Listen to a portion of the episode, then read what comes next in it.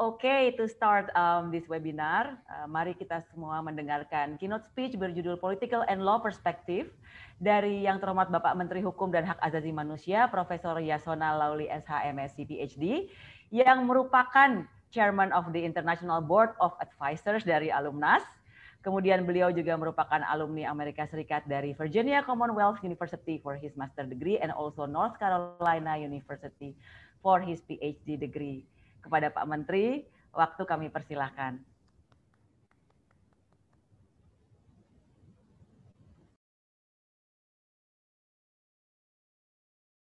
Mohon izin Pak Menteri masih mute.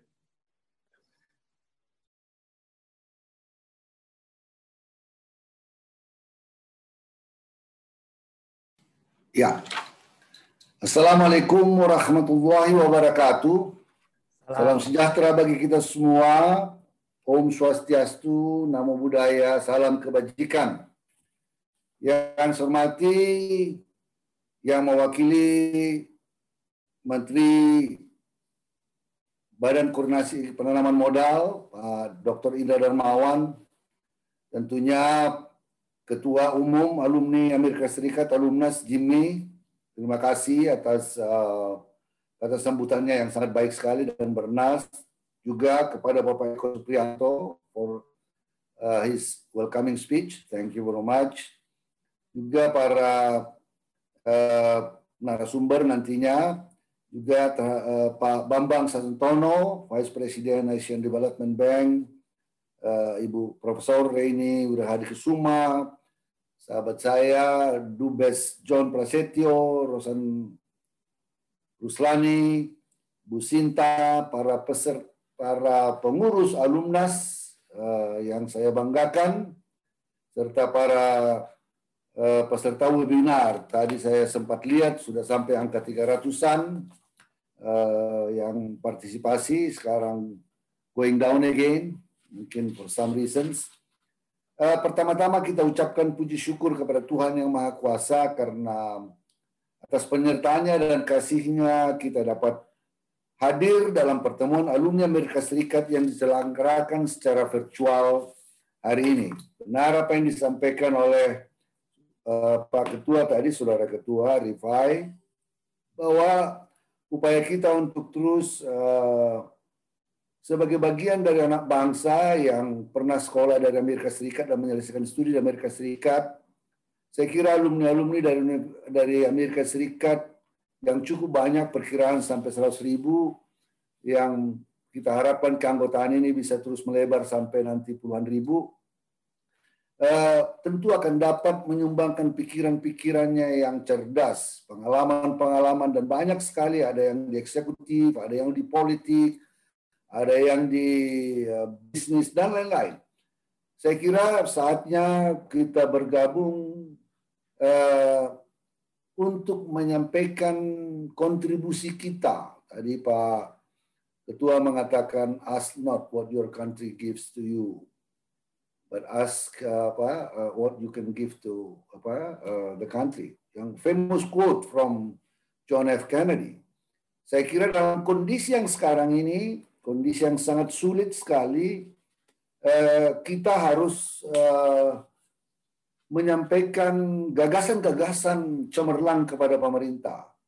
Dan dalam bidang-bidang kita yang kita kerjakan sendiri, kita juga dapat melakukan hal-hal yang besar dalam kondisi perekonomian, kondisi pandemi COVID-19 yang belum pernah terjadi dalam sejarah modern. Eh, sampai dengan saat ini, COVID-19 menyebar di 221 negara di dunia yang menginfeksi hampir 115 juta jiwa yang sembuh recovery rate-nya 90,7 kira-kira 78,9 persen. Dan di Indonesia sendiri total kasus kita menempati ranking 18 dengan jumlah 1,3 juta jiwa, berarti 1,2 persen dari total kasus dunia.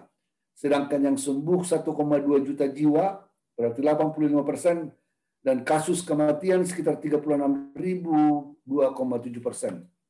Tadi kami rapat kabinet uh, angka yang terus kita lihat belakangan ini menunjukkan tanda-tanda yang baik. Terus angka menurun di angka sekarang sekitar 5 ribuan.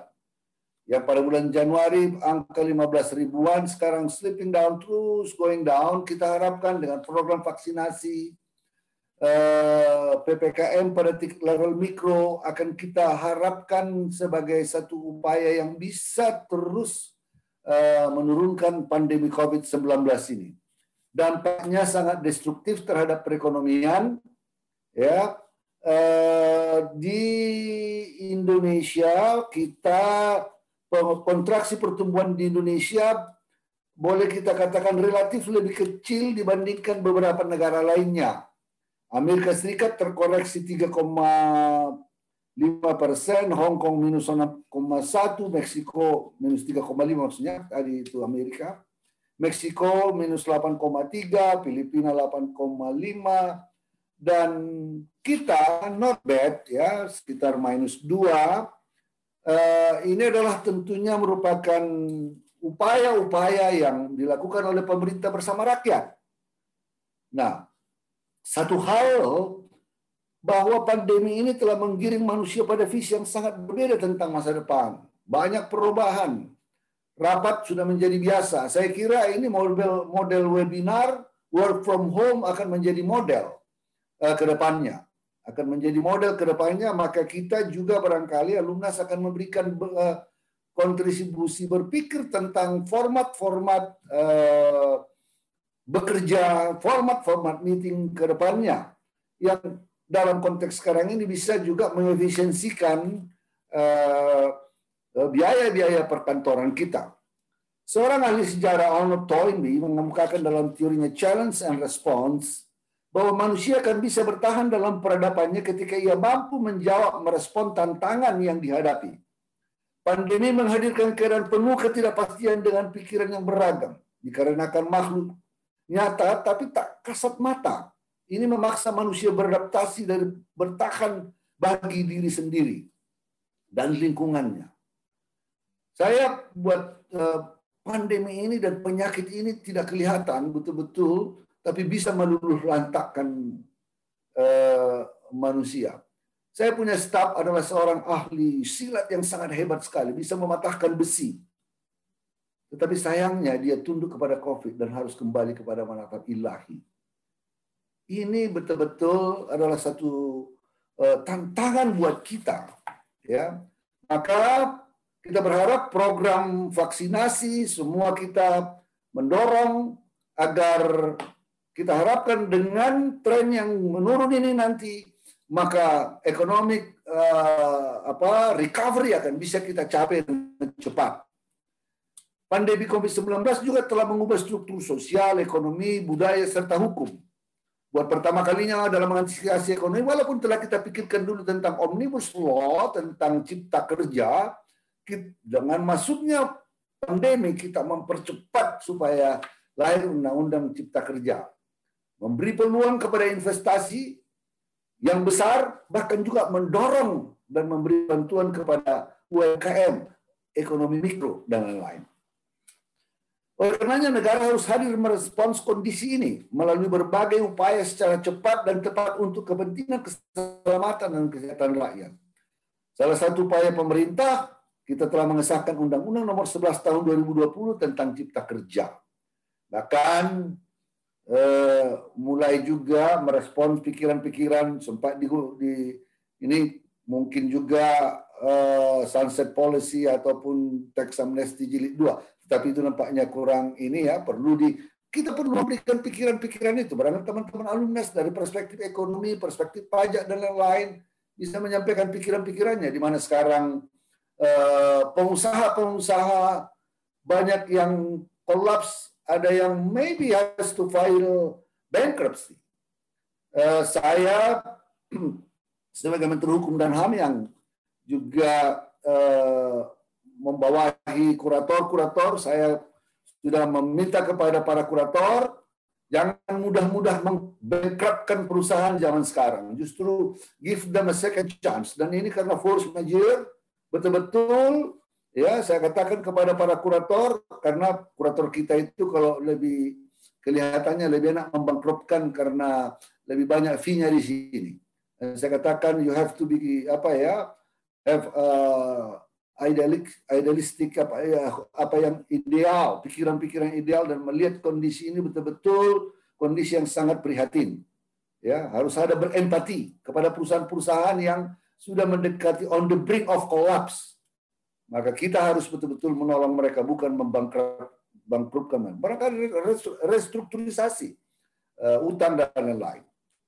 Bapak Ibu sekalian, cipta kerja adalah upaya penciptaan kerja melalui usaha kemudahan, perlindungan, dan pemberdayaan kooperasi dan usaha mikro dan kecil, memangkas birokrasi dalam perizinan, meningkatkan ekosistem investasi dan kemudahan berusaha, dan investasi pemerintah pusat, dan percepatan proyek-proyek strategis nasional. Uh, saya kalau mentalitas birokrasi yang selama ini prinsip adalah kalau boleh dipersulit, mengapa harus dipermudah? Karena dengan mempersulit ada sesuatu. Maka sekarang harus kita apa ya kita reform. Kalau bisa dipermudah, mengapa harus dipersulit?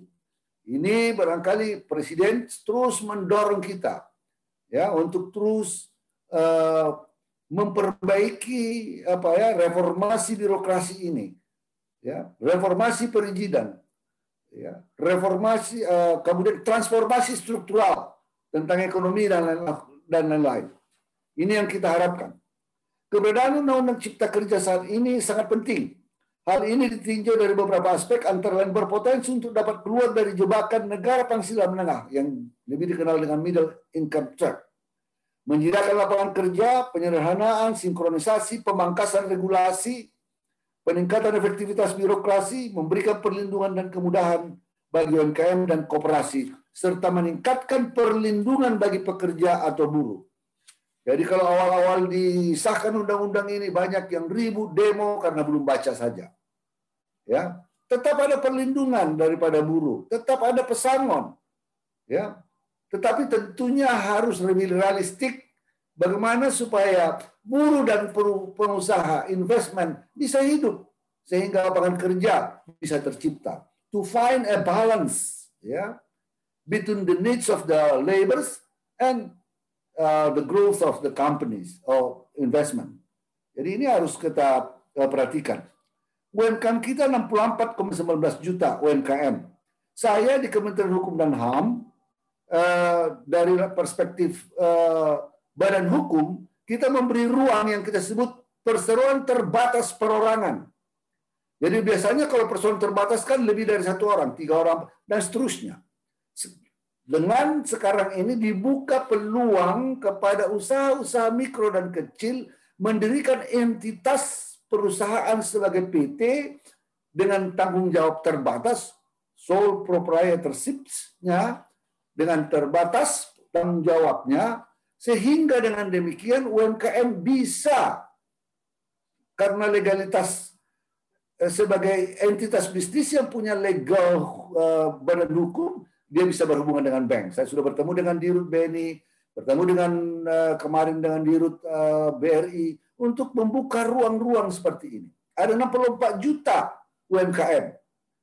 Sejarah menunjukkan pada tahun 98 yang hidup menopang perekonomian kita pada krisis moneter adalah UMKM dan usaha kecil. Mereka tidak terpukul secara telak yang gede-gede yang justru kolap. Dan dampaknya kita harus mengeluarkan triliun rupiah untuk bailout yang kita sebut dengan BLBI. Maka kita harus mendorong pertumbuhan UMKM dan memberi ruang juga kepada investasi-investasi dari uh, uh, luar. Uh, kita sudah di 2020 ini uh, realisasi kita itu minus pertumbuhan minus 2 2,07 persen. Dalam tahun ini kita berharap proyeksi kita antara sekitar 5 persen pertumbuhan ekonomi. Uh, tadi kita RKP 2022 kita sudah berbicara RKP 2022 kita harapkan 50 5,4 ke 6,9. Ya, eh, ke 6, sorry, 6 persen. Maybe, maybe more. Maka kalau ini kita inginkan, maka tahun ini we have to work hard. Agar pertumbuhan ini bisa kita capai. Ya, investasi menjadi key kunci buat kita. Karena pertumbuhan ekonomi dari apa? Dari anggaran pemerintah hanya sekitaran 15 persen. 15-17 persen. Investasilah barangkali yang membuat mendorong pertumbuhan ekonomi. Tentunya konsumsi rumah tangga dan lain-lain, tetapi investasi menjadi sangat penting. Oleh karenanya pemerintah ya, harus memberi ruang agar investment ini bisa masuk ke Indonesia. Ya, dengan demikian uh, ini pertumbuhan ekonomi dapat tercapai. Kalau kita juga bisa memberi ruang yang baik kepada UMKM. Let's say now we have 64 millions UMKM. If we can help them, half of them, 30 juta UMKM, hanya menambah satu pekerja 30 juta. Itu 30 juta lapangan kerja. Kalau UMKM-nya bisa kita tumbuhkan, maybe optimistic view ya, tapi Itulah angka yang sangat besar bisa menyerap anak-anak SMA. Mungkin kalau untuk MKM ya yang kecil-kecil mikro itu mungkin sekarang kita posisi pengangguran banyak kepada anak-anak yang SMA ke atas. Maka pendidikan yang kita inginkan juga vocational training diarahkan kepada pelatihan-pelatihan yang orang-orang begini agar siap pakai. Nah, di dalam Undang-Undang Cipta Kerja itu ada perizinan dan kegiatan usaha. Ya, ini ada 15 peraturan pemerintah. Baru saja, jadi Undang-Undang Cipta Kerja sudah kita keluarkan 45 peraturan pemerintah turunannya yang diwajibkan oleh undang-undang sudah kita keluarkan. In three months, never in our history we can uh, apa namanya pass more than 45 organ apa itu peraturan pemerintah in three months. Semua kita kerja keras untuk itu. Semua uh, kementerian lembaga hand in hand dan itu dibuka dia di, diberi akses kepada publik untuk memasukkan dalam dalam website di Menko Perekonomian. Ya. Kalau dulu itu itu namanya apa? Uh, mission impossible. Membuat omnibus law merubah dan merevisi dan memperbaiki 70 undang-undang lebih dari 70 undang-undang well Never in our wildest dream. Ya, berpikir tentang itu. Tetapi if we want to do it, we can do it. The question is, maukah kita? Are we willing to do it? Nah, ini itu adalah apa? Kritiknya, waduh dulu kita waktu mengerjakan Omnibus Law, kritik kiri kanan, sesudah jadi juga di demo habis-habisan Mungkin saja karena itu di, di, dikerjakan secara cepat dan betul-betul dalam enam bulan digumuli, mungkin kita tidak punya cukup waktu untuk terlalu bersosialisasi. Maybe, ya. Tetapi determin ini yang saya katakan uh, determinasi yang kuat dari pemerintah, khususnya Bapak Presiden untuk melakukan ini adalah sesuatu yang yang sangat uh, dan ini sangat visioner maka teman-teman alumnas yang saya tahu sangat cerdas-cerdas, ada yang di bisnis, ada yang eh, dapat membantu pemerintah agar uh, niat baik kita untuk uh, dapat kita lakukan dengan Undang-Undang Cipta Kerja ini memberi ruang yang cukup baik bagi investment yang menciptakan lapangan kerja. Dalam bidang investasi, dalam bidang ketenaga kerjaan, fasilitas pilskar, penataan ruang, lahan yang selalu menjadi persoalan, lahan dan hak atas tanah, lingkungan hidup, rezimnya juga sanksinya tidak lagi sanksi kita ini kan suka bikin sanksi pidana. Urusan perizinan juga menjadi pidana. Sekarang kita reform menjadi sanksi administratif bahwa tetap ada, kalau ada sanksi pidana itu hanya kalau dia berakibat kepada keselamatan manusia, keamanan dan uh, lingkungan hidup. Ya, itu yang kalau itu ada ada pidana dalam pelanggaran izin-izin uh, dipermudah semuanya. Ada kawasan ekonomi sekarang kawasan ekonomi memberi ruang untuk universitas luar negeri masuk di kawasan ekonomi khusus. Rumah sakit internasional, why should we go to Singapore? Why should we go to Penang? We waste our uh, devisa ya, uang untuk. Kalau kita ke Penang itu, semua orang Indonesia di sana. Kalau kita berobat, termasuk saya dulu. Saya ke Singapura. Ya. Nah sekarang mengapa enggak kita buat di sini? In, apa in the meantime kita perbaiki rumah-rumah sakit kita, dokter-dokter kita di sini.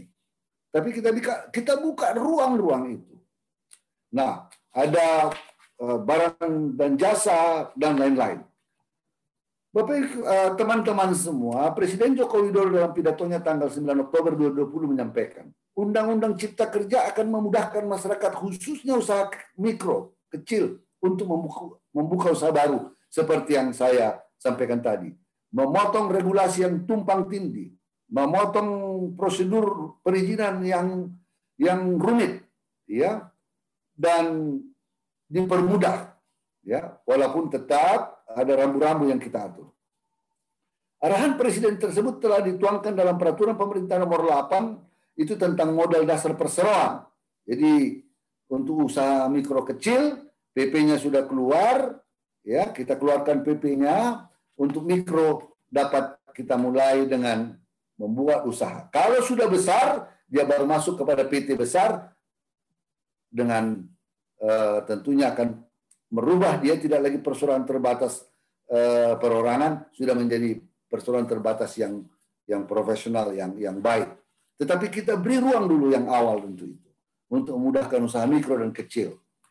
Bapak Ibu sekalian, sebagai penutup, Forum ini berupaya menyoroti permasalahan-permasalahan yang beragam terkait aspek ekonomi sebagai dampak pandemi. Ya, penting untuk dicatat bahwa pandemi juga memiliki dampak yang sangat berbeda di dunia. Oleh karena itu, berbagai pendekatan dan diskusi harus dicermati dengan cara-cara tertentu. Saya berharap alumnas akan memberikan pikiran-pikiran yang cerdas, ya, dan, dan dapat kita sumbangkan kepada pemerintah uh, dalam Eh, menyikapi kondisi sekarang ini. Pandemi jangan dijadikan sebagai hal yang ditakuti. Namun tidak juga kita abai dalam situasi ini. Ya, jangan ini membuat kita paranoid dan dan menjadi tidak mau apa namanya bekerja. Ada orang yang saking takutnya tidak mau keluar rumah sepanjang apa. Saya hanya contoh saja itu. Uh, ada teman-teman yang sampai paranoid. Ya, saya mengatakan kita harus berupaya mencari jalan keluar yang terbaik untuk ini. Kita harus sebagai individu kita menjaga apa namanya protokol COVID-19, tambah imunitas dan lain-lain. Ya, melakukan inovasi, ya, eh, tetap produktif. Saya mengajak seluruh jajaran pemerintah dan pelaku kepentingan bekerja sama mengakselerasi kebutuhan masyarakat jadi akhir kata saya sampaikan uh, karena waktu yang terbatas ya saya sampaikan kepada teman-teman uh, alumnas uh, selamat ya untuk uh, webinar ini ya uh, saya percaya kita akan menghasilkan dari webinar ini rekomendasi-rekomendasi yang uh, baik untuk pemerintah. Uh, demikian yang dapat saya sampaikan. Eh, mudah-mudahan apa yang kita lakukan ini uh, dapat uh, menjadi ibadah kita juga dan berterima uh, buat masyarakat.